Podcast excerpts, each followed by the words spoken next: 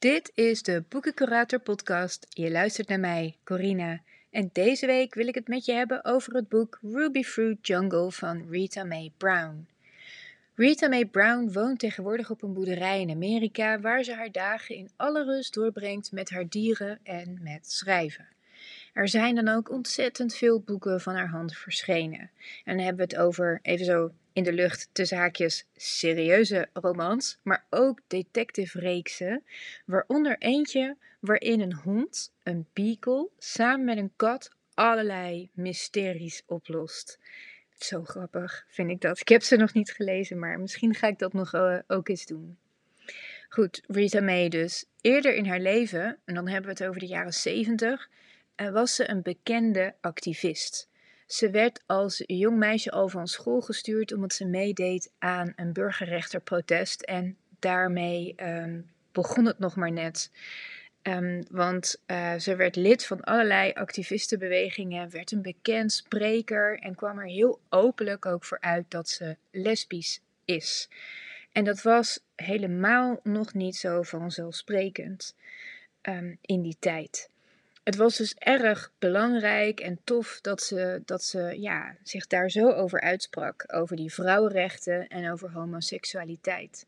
Maar ze heeft er ook wel last van gehad. Alleen nog maar gezien te worden als die lesbische schrijver, die lesbische vrouw. In interviews heeft ze het daar ook uh, vaak over. Ik heb er aardig wat opgezocht. En um, dan zegt ze bijvoorbeeld zoiets als: I hope people get over calling me Rita Mae Brown, the lesbian author. I want them to remember me as Rita Mae Brown, author. And I hope they say she was fun. Een andere, ook bekende uitspraak van haar is: A person's sexuality is the least interesting thing about them. If you are put into a little box according to who you sleep with, how tacky is that?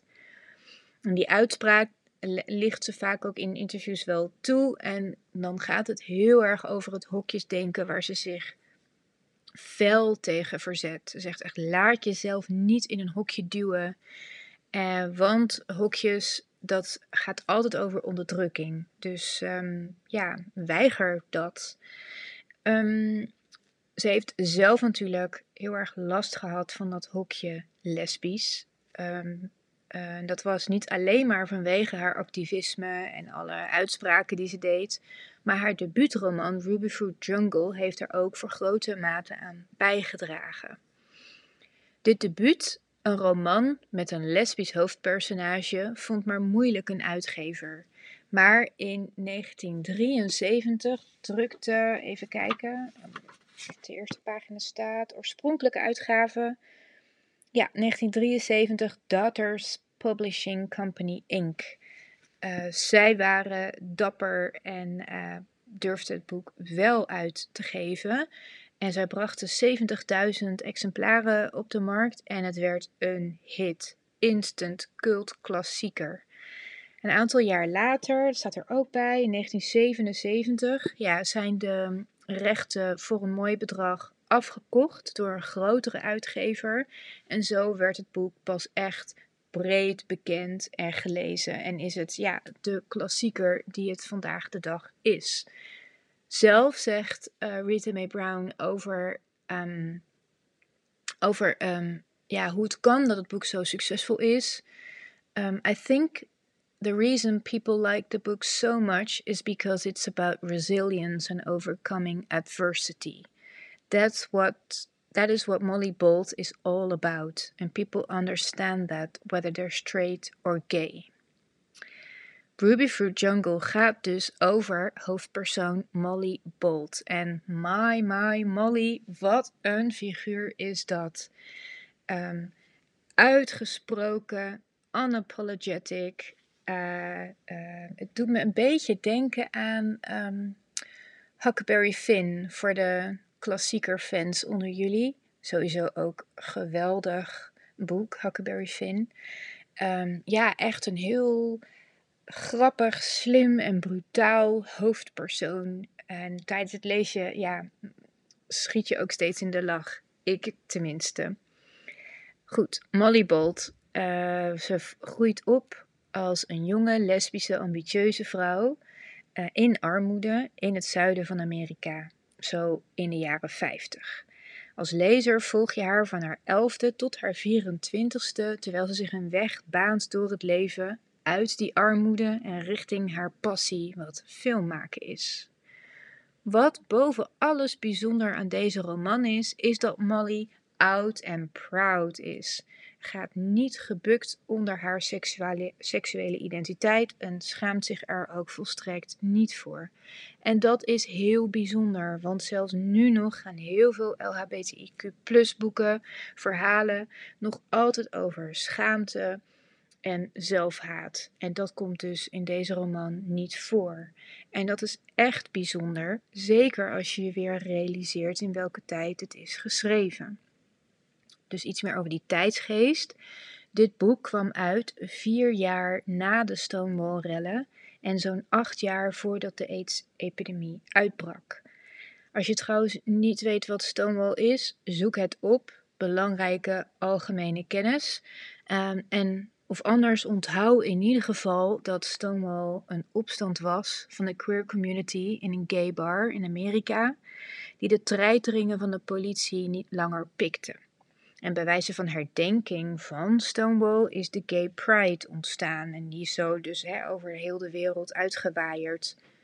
Nu moet ik ook wel daarbij zeggen dat Stonewall um, helemaal niet op zichzelf staand was. Er zijn heel veel vergelijkbare um, incidenten geweest. En er waren ook al andere um, ja, emancipatiebewegingen in de gay community gaande. Maar goed, Stonewall is uh, echt exemplarisch geworden. Terug naar het boek en naar Molly. Um, de verhaallijn, het gaat heel erg over ja, uh, de, wat Molly allemaal meemaakt in haar leven. En het begint in het begin met de eerste lesbische ervaring die ze heeft in de zesde klas. En later op de high school uh, volgt een relatie met de hoofdcheerleader Carolyn, die het, het label lesbisch verwerpt, maar wel heel graag seks heeft met Molly. Molly's sterke persoonlijkheid en ook al haar minachting voor Carrie um, stimuleren haar om goed te presteren op school, waardoor ze een beurs wint voor de Universiteit van Florida. De relatie die Molly daar vervolgens heeft met haar kamergenoot zorgt ervoor dat haar beurs helaas niet verlengd wordt. En omdat ze weinig geld heeft en um, dus niet daar verder kan studeren, besluit ze dan maar naar New York te gaan, want daar kan ze dan wel een filmopleiding gaan doen. Nou blijkt New York alleen niet zo geweldig als dat ze had gedacht. En hoe dat verder allemaal zit, ja, dan moet je hem natuurlijk gewoon gaan lezen. Sinds een week ligt Ruby Fruit Jungle weer in een Nederlandse vertaling in de boekwinkels sinds lange tijd. Dus hulde voor uitgeverij Orlando, die deze klassieker weer opnieuw op de kaart zet. En um, zij hebben, werken trouwens al veel langer aan een prachtige reeks gebonden boeken. Allemaal heruitgegeven klassiekers. Met een mooie, elke keer een mooie schilderij op de koffer. Ja, ik ben echt fan. Wat ook nog heel erg leuk is, is dat deze editie van Ruby Fruit Jungle uh, vergezeld gaat met een heel mooi nawoord van Mariska Verbeek, eigenaar van boekwinkel Savannah Bay in Utrecht. En ik vind het wel leuk om jullie daar wat van voor te lezen. Uh, ja, Mariska schrijft onder andere iets over. Um, ja, is Ruby Fruit Jungle geschreven in de jaren 60? Hè? Is dat niet verouderd? En uh, ze zegt gedeeltelijk wel. Er is ook recent wel wat kritiek op het boek geuit, vooral in Amerika omdat um, ja, het nogal een cis-benadering heeft van vrouwelijkheid. En dat zou transvrouwen kunnen uitsluiten. Maar ik ben het wel eens met Mariska die zegt: literatuur is geen politiek correct essay. Het geeft de perspectieven en ontwikkelingen van een bepaald personage weer in diens tijd. En juist eigentijds is de inclusiviteit van Molly en haar liefdesleven. Ze bestempelt haar geliefde niet als zwart of wit. Enkel uit de beschrijving van kapsel of huidskleur merken we dat alle tinten vertegenwoordigd zijn. Ook wat seksuele smaken betreft is alles voor haar oké, zolang het maar niemand beschadigt. En juist toxic mannelijk gedrag wordt keihard afgestraft, zoals meerdere scènes in het boek laten zien. Ik heb een van die scènes al gelezen, echt. Ik heb heel hard gelachen. Um, Mariska schrijft ook um, dat Ruby Fruit Jungle, het is een verslag van veel lesbische coming-of-age ervaringen. Vergelijkbaar met andere lesbische autobiografische klassiekers, van Sami tot fluwelen begeerte en van de schaamte voorbij tot het recente de geschiedenis van mijn seksualiteit. Um, en ze zegt ook uh, iets verderop in dat nawoord, nu we iedereen en alles in allerlei soorten nieuwe hokjes stoppen en tegelijkertijd ons daarvan weer willen bevrijden, is een rolmodel als Molly Bolt juist weer erg actueel en urgent.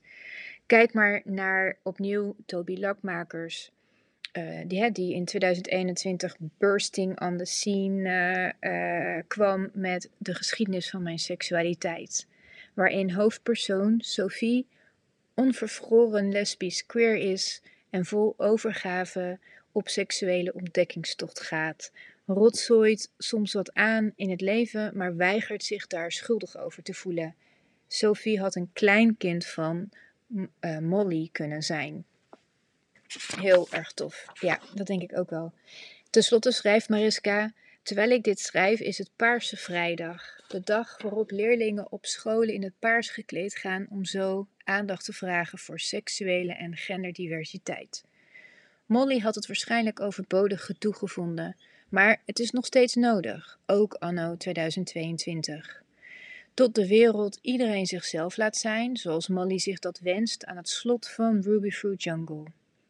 Als boekverkoper ben ik zeer blij en trots dat dit inspirerende verhaal weer ook in een Nederlandse vertaling kan worden aangeboden. Voor alle nieuwe Molly's, man-vrouw X, die hun weg nog moeten vinden ja, heel erg gaaf.